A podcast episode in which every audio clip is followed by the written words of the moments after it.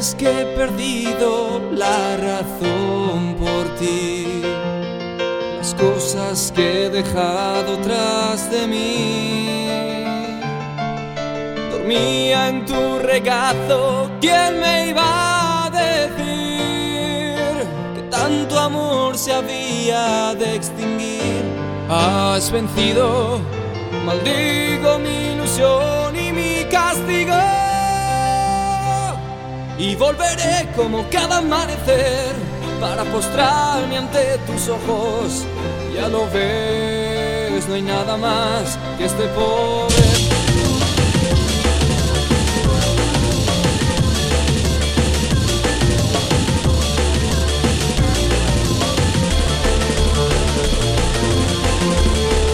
Moi boa noite a todos e a todas. Prepárense para pasar Unha hora repleta de aventuras a bordo do submarino nucelar máis intrépido de toda a Unión Soviética. Oxe, falamos de presos e de presas desas persoas que están na cadea, pois non porque nos eh, sintamos reflexadas, pero porque nós tamén temos que pasar un tempo un pouquiño entre entre reixas entre comiñas. Xa saben, eh, temos unha hora repleta de aventuras. Isto non sería posible se non tiveramos na sala de máquinas uh, se non tiveramos na sala de máquinas ao señor Bugalov. Está vostede por aí? Oh. Está vostede por aí, estupendo. Se non tiveramos, por suposto, sempre a nosa esquerda, a esquerda de todas as persoas, a o xefe de torpedos, o camarada Lamelov. Boa noite, camarada.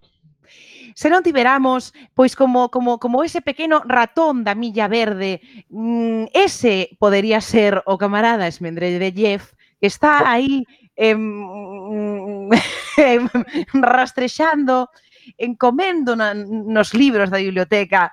Camarada, moi boa noite. Boa noite a todas e a todos. E se non tiveramos, por suposto, de volta das misións máis intrépidas, a malvada Tovaris Beosca.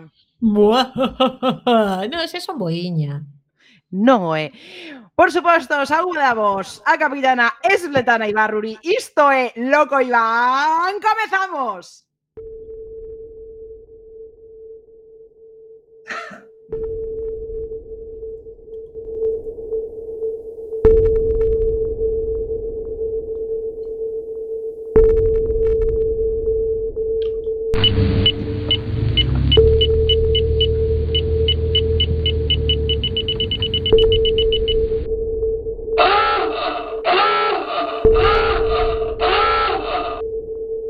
Pois comezamos o pistoletazo de saída do programa, pero antes de nada, xa saben que ainda que estamos eh, cada un na súa chalana particular, nos seus domicilios nos podemos poñer en contacto. Isto será a través, por suposto, do WhatsApp ou do Telegram, a donde nos poden chamar Esmendrellev, recorde os números, o número. Hola. Eh... Cachada. bueno, alguén pode recordar o número, por favor? Pois sí, capitana, o 644 73 73 03. 644 73 73 03 e a onde nos a onde poden insultar directamente a Esmendrelle por non estar atento eh, pois a, a través das redes sociais, querido camarada Lamelov? Pois a ver, en Twitter e Facebook, Loco Iván Cuac, eh, e tamén temos agora perfil en Mastodon, tamén Loco Iván. Oi, perfil en Mastodon, que me dis? Mastodon sí, sí. é, eh, é un grupo de heavy, ademais. Pois ademais é unha, é unha rede social, unha rede social aí aberta, distribuída, que non depende do imperialismo de Twitter.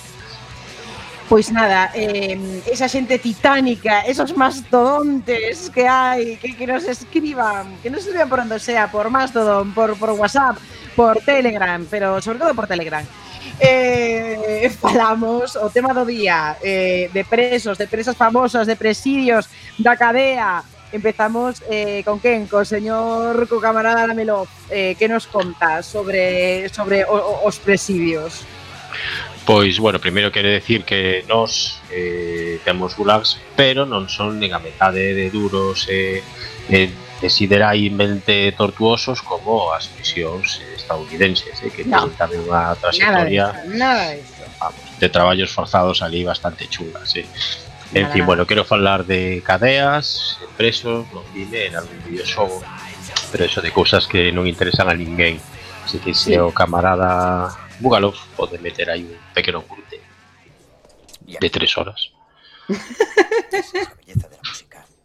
Eso no te lo pueden quitar nunca. ¿No habéis sentido nunca la música así? Bueno, yo tocaba la armónica cuando era joven. Luego dejó de interesarme. Dime qué sentido tendría aquí. Aquí es donde más sentido tiene. La necesitas para no olvidar. Olvidar. Olvidar que hay cosas en el mundo que no están hechas de piedra, que tienes... que hay algo dentro que no te pueden... no te pueden quitar, que es tuyo, ¿De qué estás hablando? de esperanza. Ben, pois esta é, é a peli de Shawshank Redemption, unha película de fantasía moi coñecida que perpetraron aquí como Cadea Perpetua, que seguro que vos soa. Sí, sí, sí. Está moi ben. Bueno, pois pues no ano 94, eh, dirixida e escrita por Frank Darabont, e conta como principais protagonistas a Tim Robbins e Morgan Freeman, que narra a vida dentro da cadea de Andrew du de, pues, do protagonista que é Andrew Dufresne, protagonizado por Tim Robbins. Eh, Tim Robbins era bueno, digamos Andrew, mellor dito, era presi- vicepresidente no ano 47 dun importante banco de Portland, Maine, e xulgado e condeado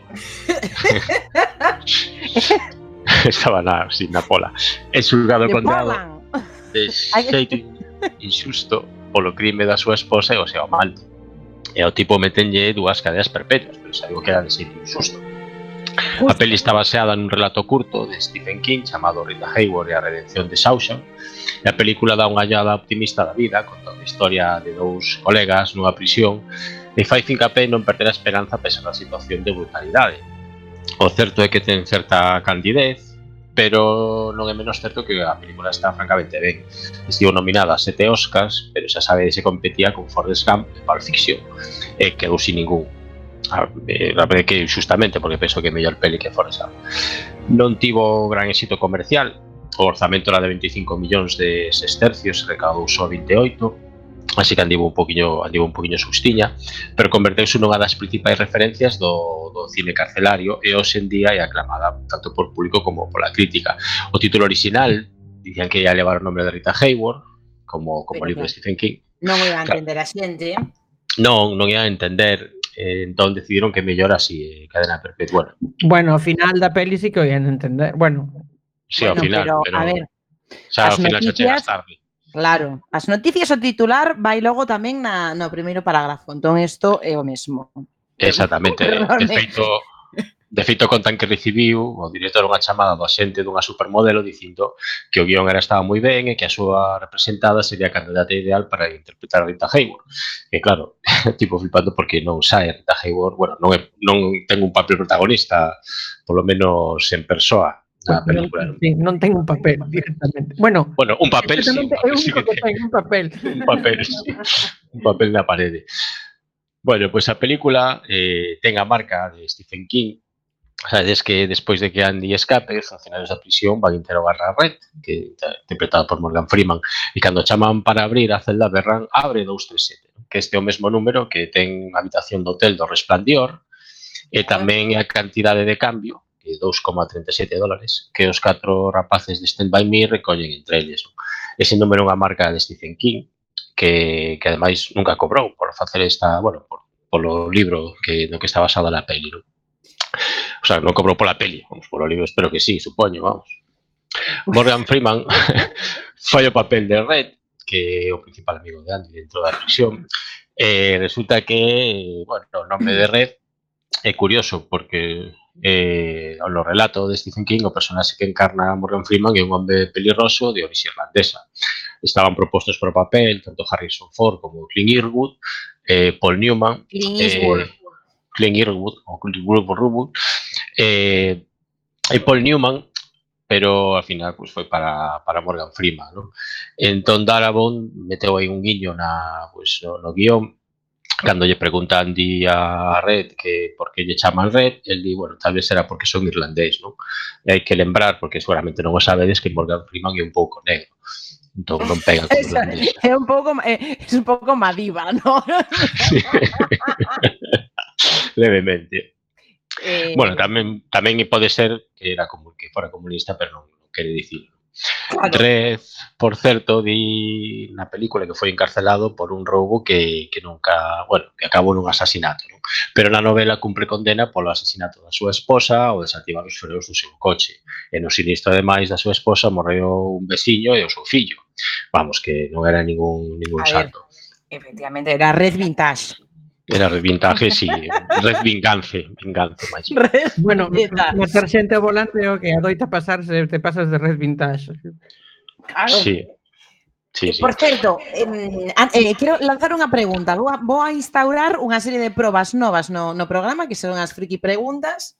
Entón, agora tocou. Eh, entón, xa que estábamos falando de, de números e de Stephen King, por, eh, por 10 sestercios pregunta eh, calera a outra habitación de Stephen King dun hotel que foi protagonizada unha película por John Cusack.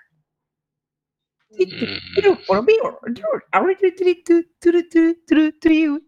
Era, era unha marca tamén de Stephen King. Sí, eh, tamén un conto de Stephen King, é eh, eh, a 1408. Ah, pero non sabía que era unha marca de, é unha, de Stephen King. Tamén. Vamos, está basado nun, nun conto de Stephen King, eu creo, vamos. Non? Non, non é unha sí, marca, é un, é un número aleatorio. O que, o que, o sea, non, non marca, digo que un, que unha película, eh, que, o sea, é ah, unha vale. película e antes había eh, antes da película existiu un conto. O curioso é que es, polo que se di que no Resplandor, por exemplo, a habitación non era a 237. Ah, non. Senón a 217. O que pasa é que na peli sae a 237 porque os propietarios do hotel tiñan unha habitación 217 e non querían que quedara mal, maldito que quedara ah. estigmatizada, entón Kubrick dixo, pois 237, que non tiñan tantas habitacións por planta. Ah, ah mira que curioso. E vai coincidir xusto, non? Sí, sí, co, o destino. Co, des, co de, pois sabes.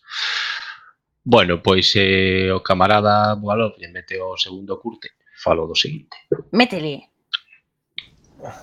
Mi abogado. Mi abogado tiene gracia. Me dice, cálmate, Billy, no te alteres, no te pongas nervioso, sé bueno. Y yo te conseguiré el indulto, la amnistía, el perdón, esto, aquello, lo de más allá. Me ha repetido esto durante tres años y medio. Y yo he procurado no alterarme. Me he portado bien. Pero ya me he cansado de portarme bien. Porque ustedes me hicieron creer que me quedaban 53 días. Ustedes me pusieron 53 días delante de la cara y después me los arrebataron. Y usted, ¡bu! Me gustaría que estuviera en este momento donde yo estoy y sintiera lo que yo siento, porque entonces conocería algo que no conoce, señor fiscal. La piedad. Sabría usted que el concepto de una sociedad se basa en su capacidad de piedad, en su sentido del juego limpio, en su sentido de la justicia. Pero eso sería como pedir a un oso que descargue la mierda en el retrete. Para ser un país de cerdos es muy gracioso que no los coman. Pois é unha unha película que a verdade é que no seu momento impactou bastante, que é Midnight Express o Expreso de Medianoite, dirixida por Alan Parker no ano 78 e con guion de Oliver, Oliver Stone. Ten como principal protagonista Bill Hayes, que a verdade que fai un gran papel. Eh, Vamos, Ray Davis, que é o autor que interpreta foi un gran papel, que un xove estadounidense detido no aeroporto de Estambul cando se ia a subir a un avión con varios paquetes de hachís. Eh, para, polo, sí, de hash. Pois polo visto era un dos delitos máis graves en Turquía. Daquella Eh, época, daquella época. Sí, eu sei, non sei. A verdade. Bueno, pois Billy é condeado a 4 anos de, de cadea onde sufrirá pois, atrocidades propias do sistema penitenciario brutal. O actor Brett Davis morreu de sida no ano 91 e aínda que deixou vos, vos papéis de outras películas, este foi o papel estelar da súa curta carreira. tería, bueno, a verdade que se, vivira, se vivira hoxe tería máis ou menos a idade de Alan Parker, prácticamente a mesma. A película levou dos Oscars de seis nominacións, eh, que levou o guión e a banda sonora, e cinco globos de ouro, entre outros premios, e marcou a moita xente nova neses anos. A verdade que era típica, bueno, típico tema de conversa eh, nos recreos tomando bocata de chope.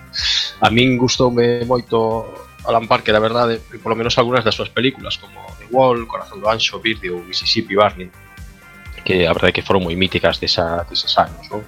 Oye. Corazón de Ancho, ¿eh? que era cuando estaba... Mickey Rourke, cuando era una persona. cuando Mickey Rourke estaba, era Mickey Rourke. sí, sí. Cuando estaba Rourke. Estaba móvil de Rourke. Elisa Bonet, Elisa Bonet que está bastante Elisa Bonet. estupendérrima. Elisa Bonet, sí. Estaba moi bueno, Bonet. pero Lisa Bonet está todavía estupenda ahora mismo, vamos. Sí, sí, Elisa Aún Bonet sigue estando Mickey estupendérrima. Desde Mickey levou Rourke. mellor que Mickey Rourke. Sí, sí, Sí, eso sí, bueno. sí. Que faría ese home para acabar así? Bueno, pois varias tamén cousas. Sí, unhas cantas pues, Posear e meterse cousas de, de moito meterse Tamén fixo, logo nos esquezamos Fama A película Fama, que logo de lugar unha serie bastante mítica non? A película, pois narra eso, a dureza dunha prisión turca Con as sedas moi duras E que consigue que empatices moito co protagonista Porque calquera podría considerar que o delito non era tan grave como para pasar tanto tempo na cadea, e menos unha cadea tan brutal como digo tan. O guion está baseado na historia real de Bill Hayes, que foi condeado a 4 anos por tráfico de hachís en Turquía no ano 70 e cando faltaban poucas semanas para cumplilos, aumentaron a pena a cadea perpetua.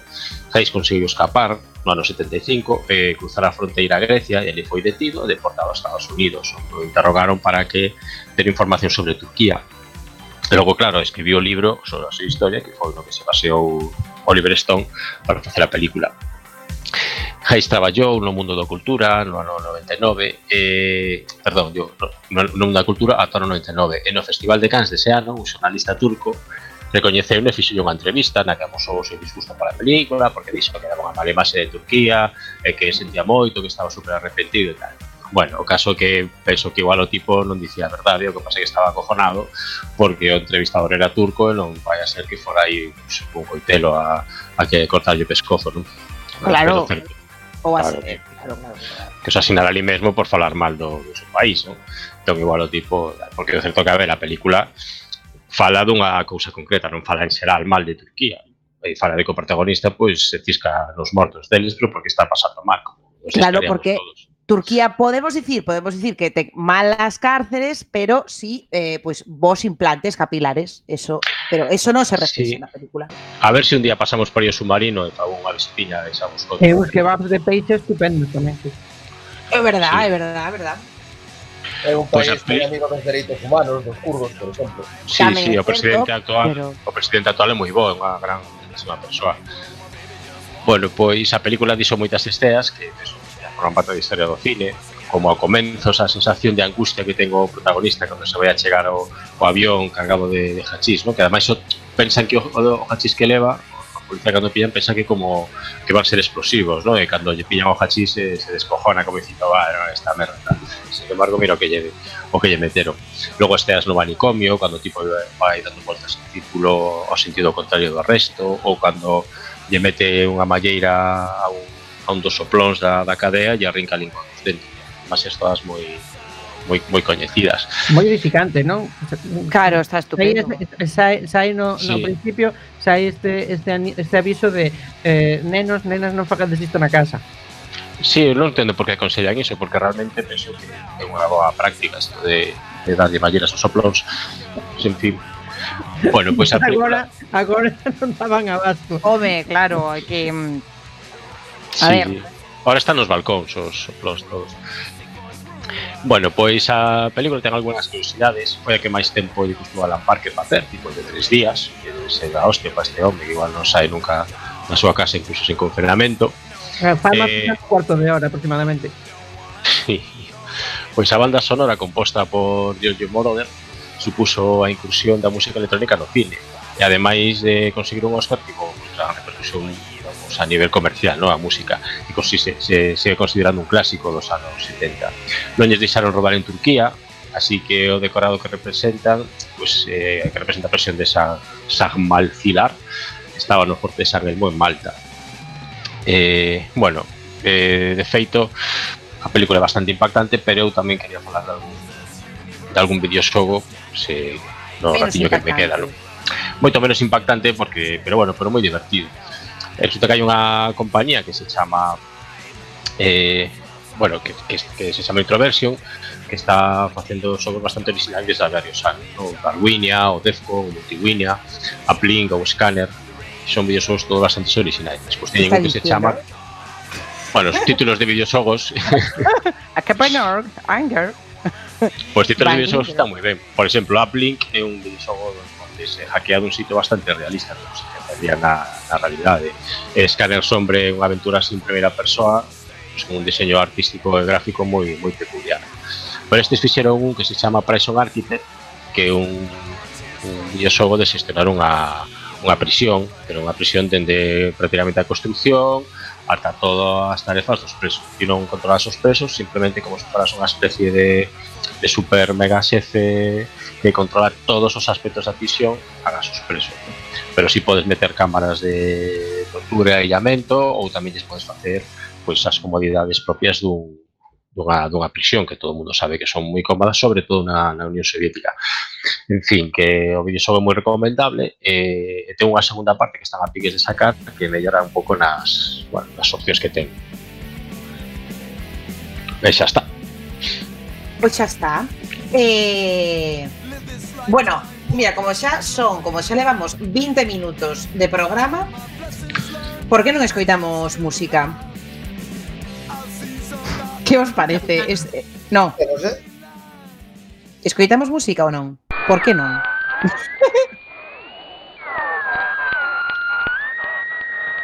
Dímoselo. Ai, Pois como por casualidade, como sempre, tiña eu preparada uh, algo de música de de Presidier. De Presidio. E ademais interpretada eh, e composta, bueno, máis in, máis interpretada que composta por un un camarader eh, pero dos de verdade, o señor todo mundo en pé, Johnny Cash o Johnny Cash. Oh. Claro, o señor Johnny Cash, que eh, bellissima Bonito, persona, eh, un colega noso. É bastante camarader. ¿eh? Foi. Moi camarader. Sí. Que é un, grabou o seu primeiro disco en directo nunha prisión. Nunha prisión. Yes, nunha, nunha, nunha na prisión de Folsom, precisamente. E ademais comezaba o comezaba a grabación do disco e o concerto que daba no presidio cun tema que se chama Folsom Blues, o sea, en homenaxe á propia a propia cadea, non? Que é o que imos escoitar agora. I hear the train coming the sunshine since I don't know when. I'm stuck in Folsom Prison, and time keeps dragging on. But that train keeps a rolling on down to San Antone. When I was just a baby, my mama told me, son, always be a good boy, don't ever play with guns. But I shot a man in Reno just to watch him die. When I hear that whistle blowing, I hang my head and cry.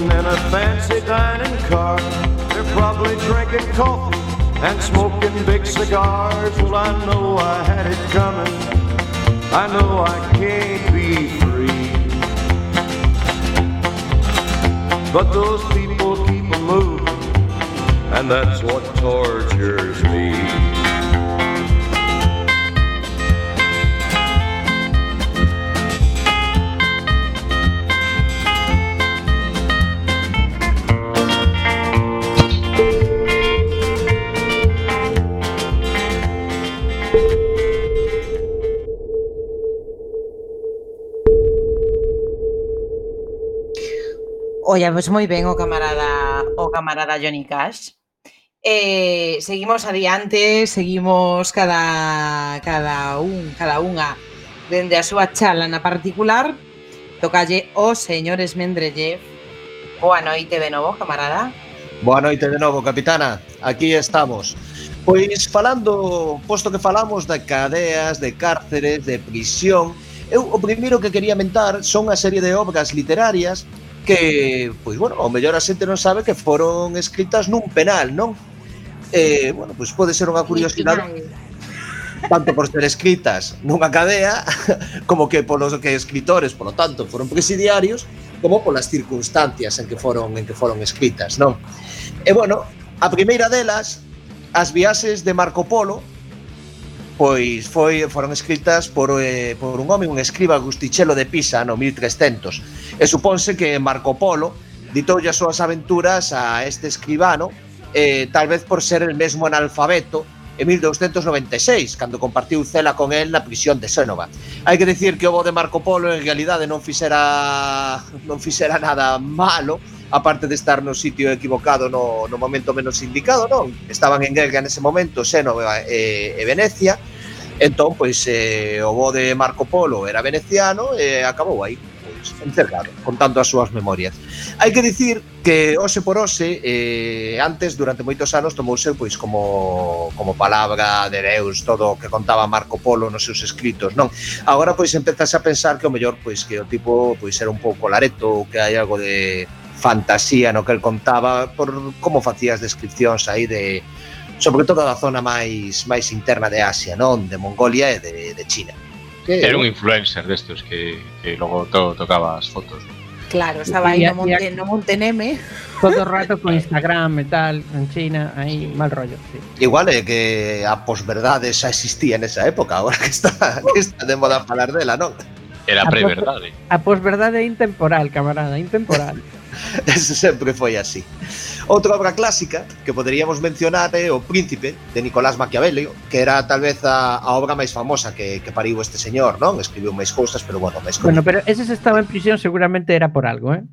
Bueno, din as malas linguas que o meteron os Medici por unha pouca de conspiración.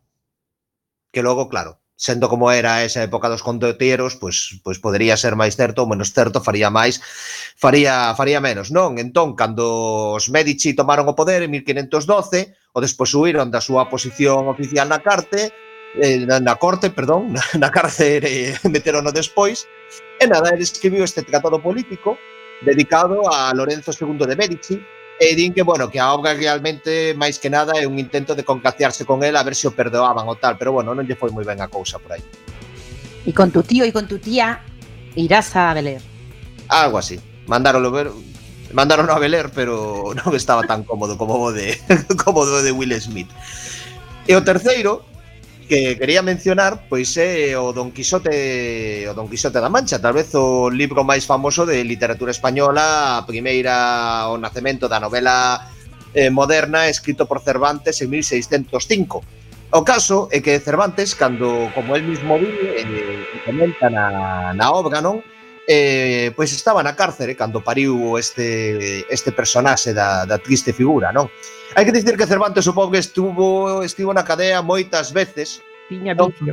Eh, xa antes desta estivera, pois cando estivera na guerra, xa sabedes todos que pasou por Lepanto e que aí resultara ferido nunha man, etc, etc, etc, tamén estivo eh, prisioneiro de Ali Bajá Bey, un bueno, un señor turco que o tivo ali secuestrado, que ten as malas linguas que abusou sexualmente do pobre de Cervantes, pero esta vez non estiveron... Un dato que a ti te gusta recordar, non sei por qué.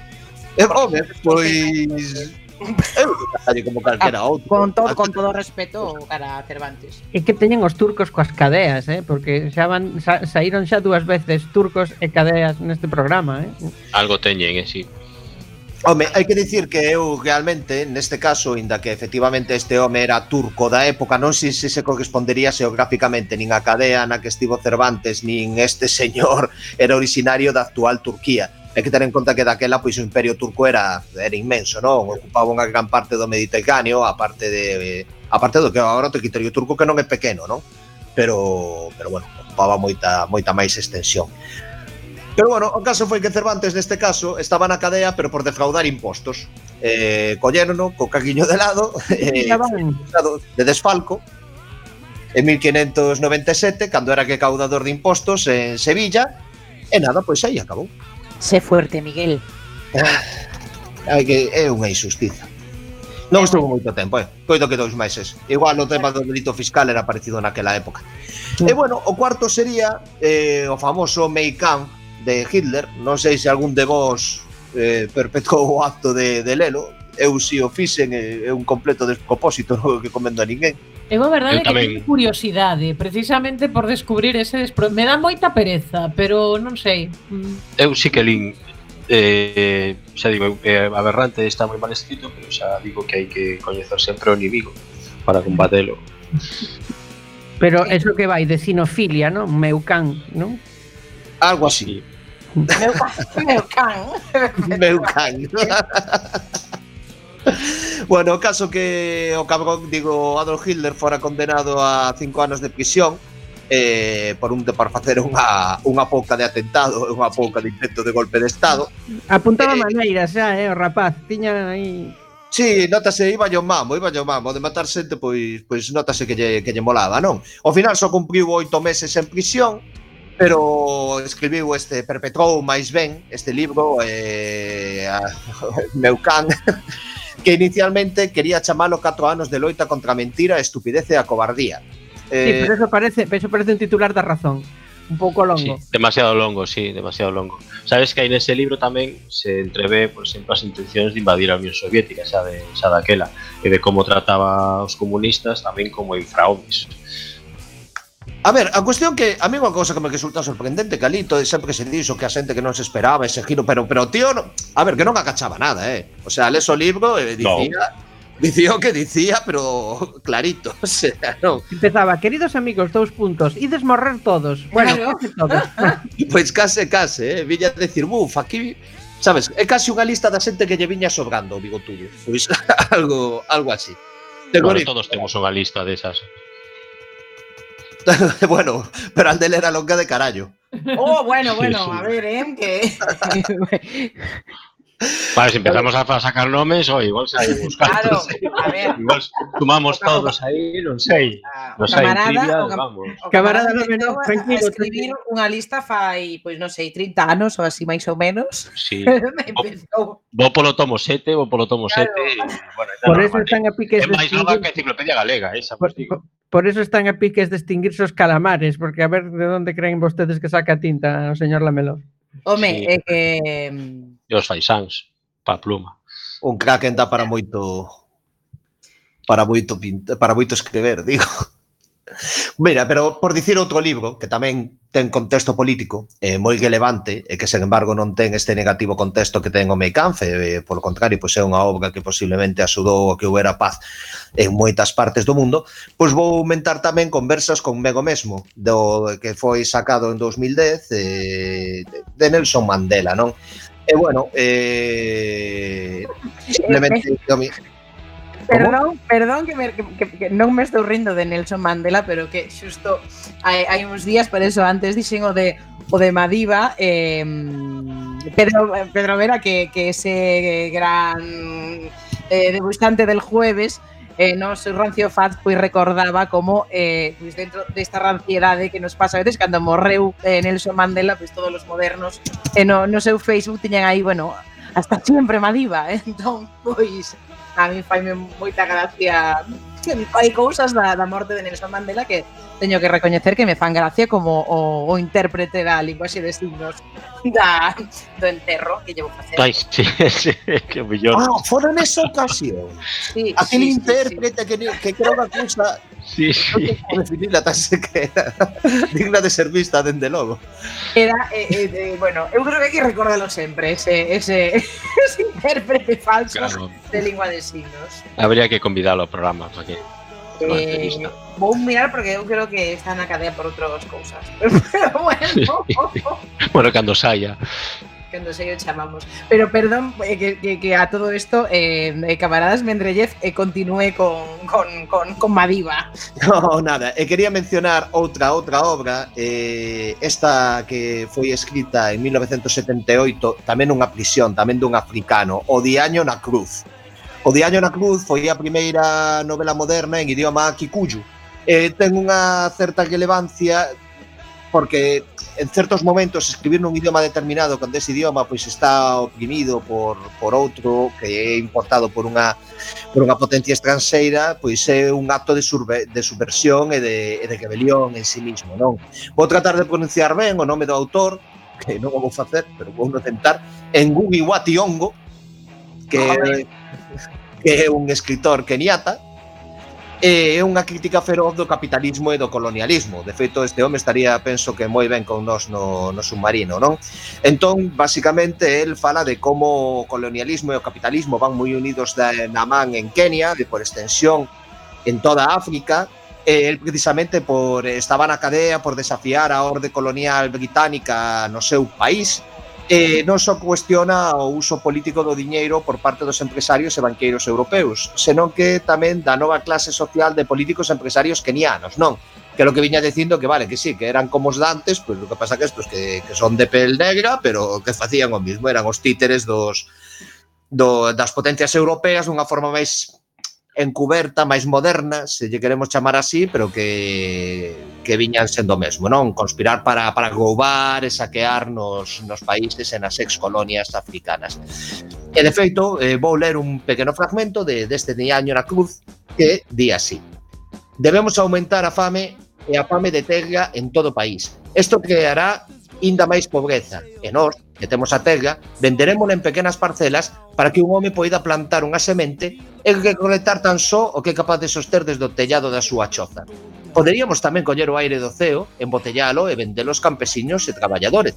Total, xa o estamos facendo agora co agua. Imagine os beneficios. E bueno, pois eh, faderevos unha idea de que este home pasou non moi mal por escribir esta novela que é interesante, interesante de ler. E eh, eh, por pues mira, último, aproveito, un segundinho aproveito, xa que falas un africano comunista, que hai un documental precisamente que se chama Our África, que era a nosa África, de Alexander Markov, que fala de como actuou a Unión Soviética en África todos esos anos e como era vista como unha esperanza precisamente por dictadores, digamos, de esquerda dentro do, do continente africano.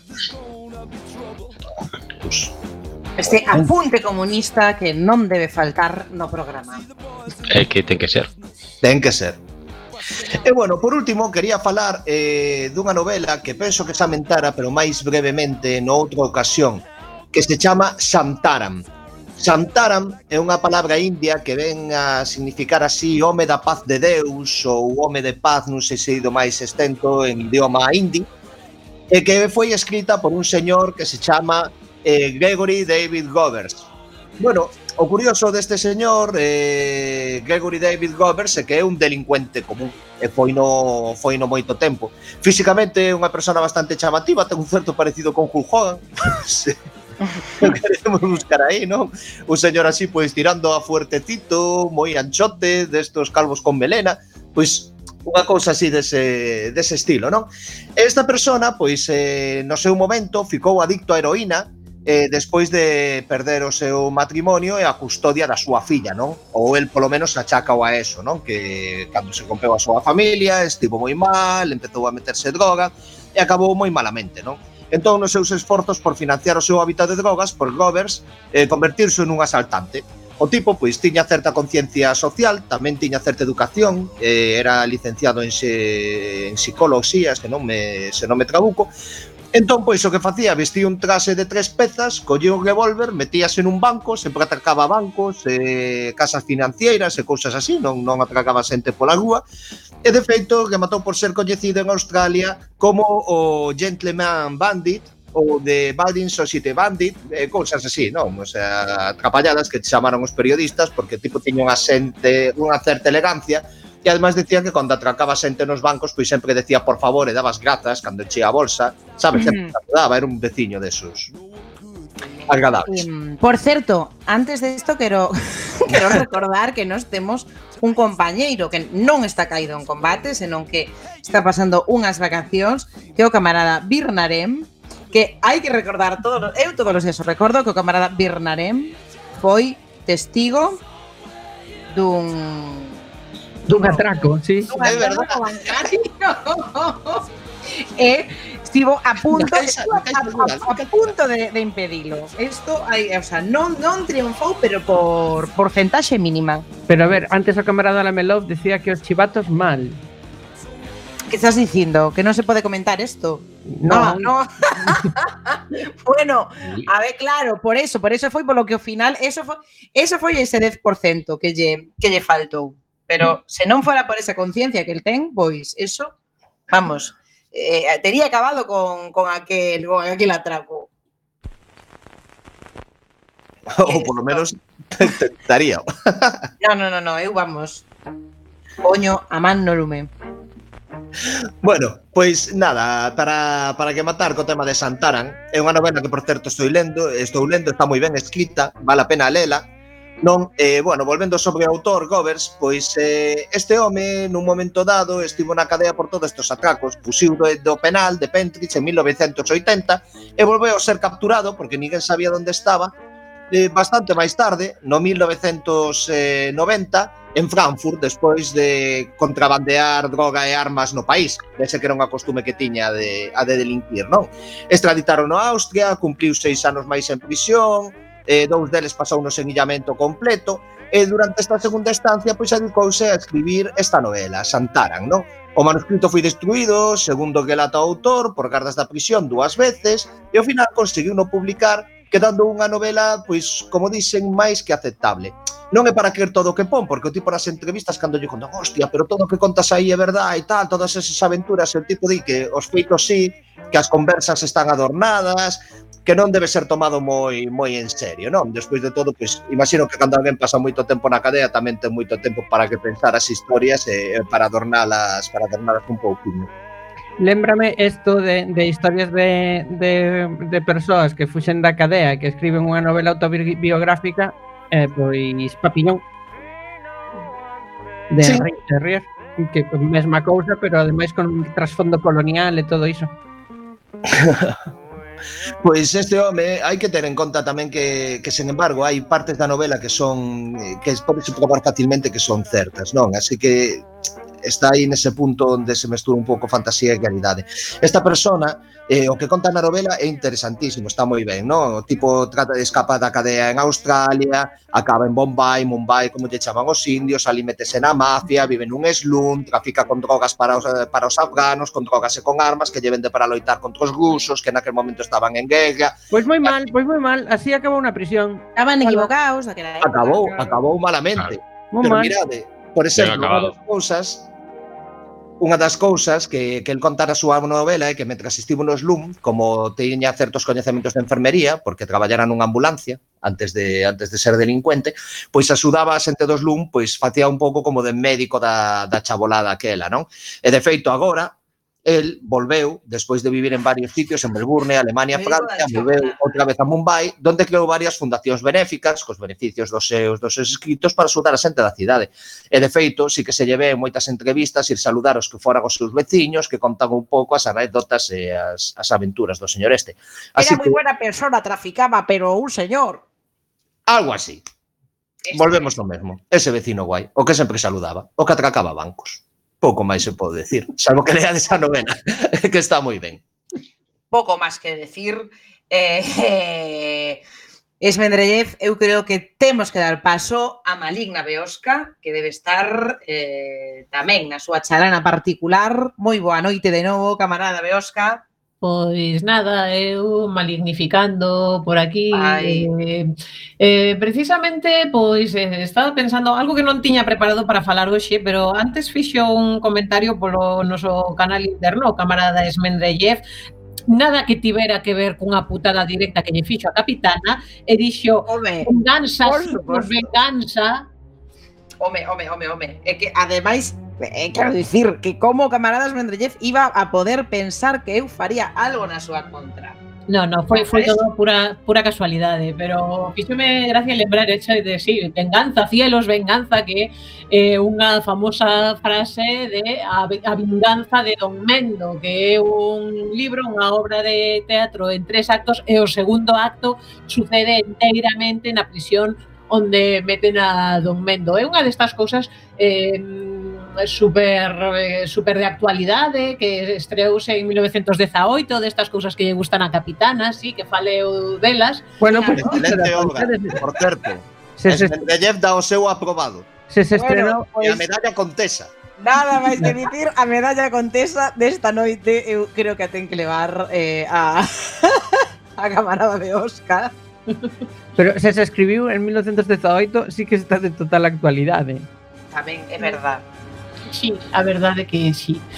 Pois é un, unha obra de Pedro Muñoz Seca, un astracán, que quere dicir que é unha obra de humor por humor, quero dicir, non hai que buscarlle moita lóxica, nin nada, é pensada para facer rir enteiramente, e aínda que sucede na Idade Media, pois mezcla, pois eu que sei, bromas sobre o xabrón eno de pravia, eu que sei, cousas así, eh, eh, é moi é moi recomendable, aínda que parezca aínda que sexa viajuna, pois, pois a verdade é que é moi divertida sí, e xa verdade, é verdade. se atopades, se atopades a, a versión, creo que está en YouTube.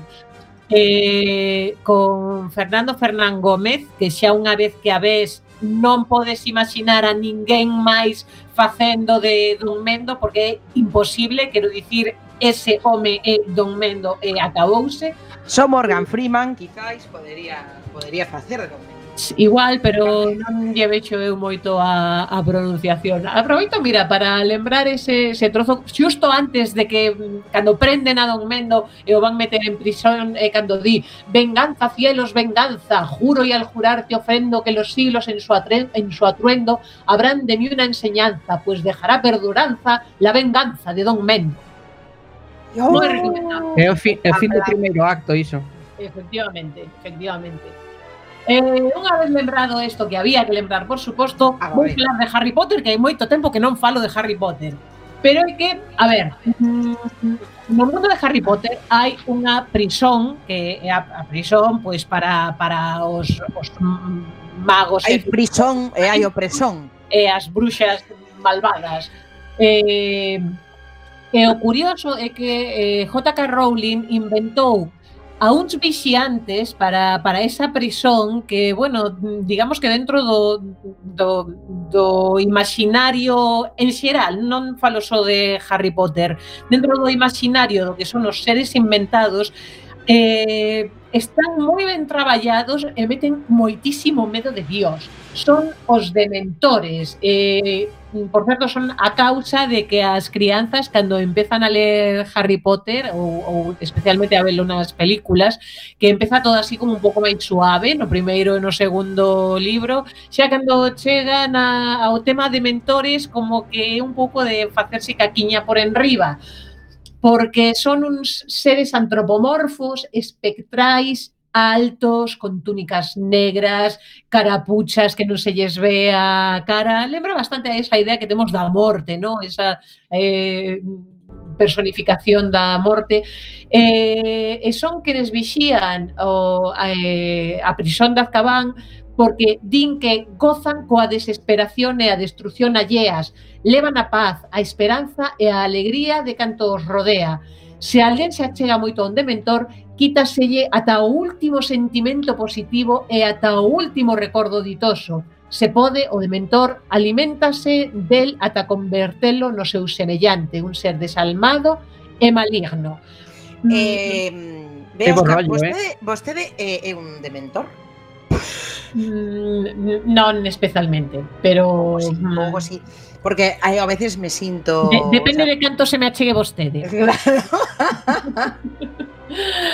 eh, a cousa é que, é que pensas que... Mm, mm Se, se pensamos no, no mundo real, que hai moita xente que está en plan, ah, ir a prisión é como de vacacións, no? tenen aí piscina e tal, estarían encantados de pensar que sexan os dementores que, que nes vixilen aos presos. Cando eu penso, bueno, que eh, creo que a idea que, que saca eh, especialmente a infancia que le todo isto, que agardo que queden con ela de por vida, é que, é que iso é tortura directamente, unha cousa horrorosa e que Bueno, claro, non todo o mundo pensa iso de mm, odia o delito e compadece o delincuente, non? Pero... Ah, Concepción Arenal.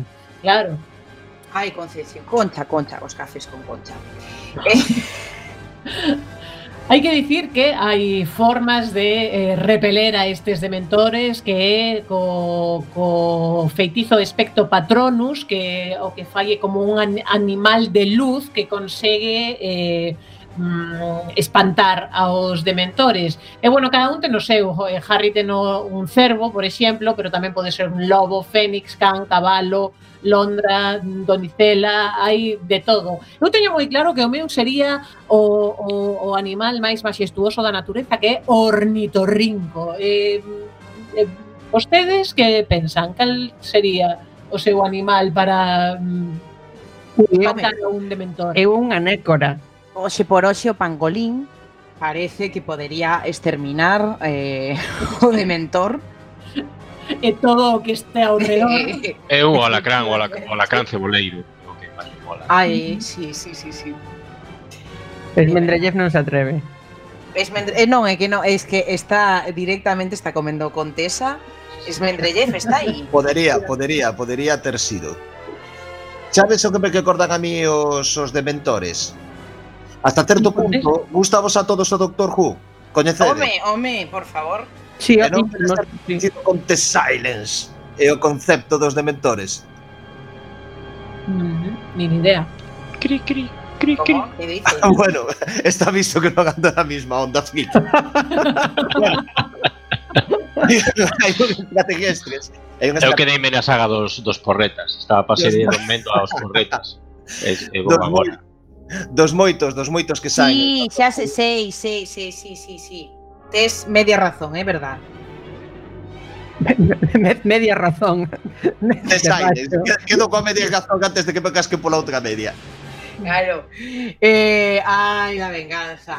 Bueno, por outra banda, eh, ademais habería que pensar que ter máis a, o concepto de Betinari, eh, outro grande personaxe eh, da, da historia dos personaxes personaxeados, esta vez de, de Terry Pratchett, que pensa que eh, cando fas unha cárcere tes mm, que pensar que igual acabas dentro, así que mellor eh, faina pensando nesa posibilidade, el de feito acaba eh, no cárcere nun momento dado, eh, entón, pois, sí, mellor mellor que teña unha serie de comodidades mínimas, eh, non vai a ser que acabes aí dentro. Claro, ya me matas pensaba o mesmo.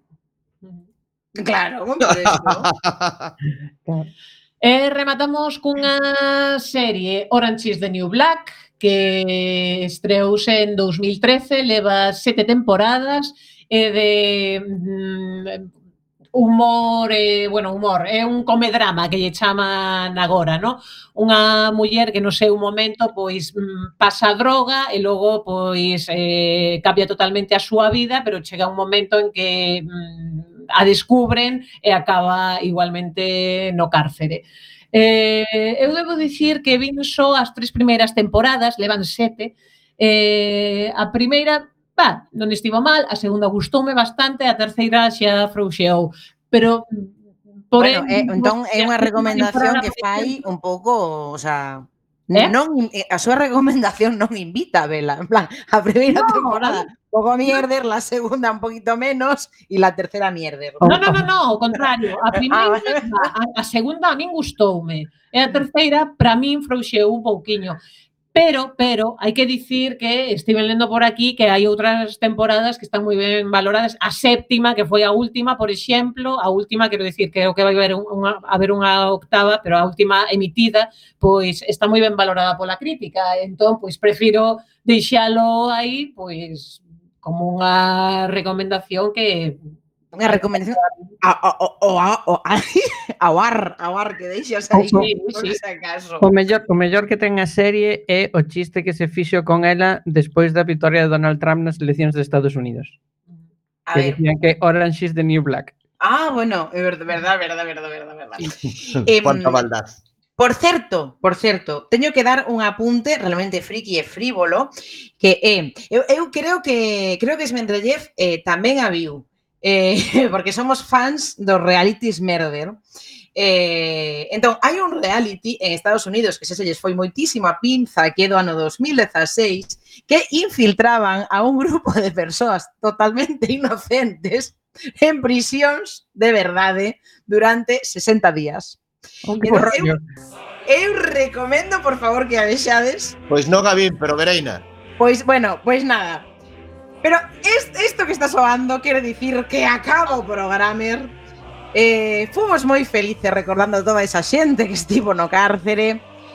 Tende cuidado, queridos amigos e amigas, nunca pagades nada, ou polo menos que nunca vos collan para entrar eh, na prisón, na prisón de Breogán. Eh, nada, pasade moi ben, os queremos moitísimo, volvemos a semana que ven, seguimos confinados, pero o submarino segue navegando, beban, be, be, beban vodka con moderación. E os queremos moitísimo ata o venres que ven.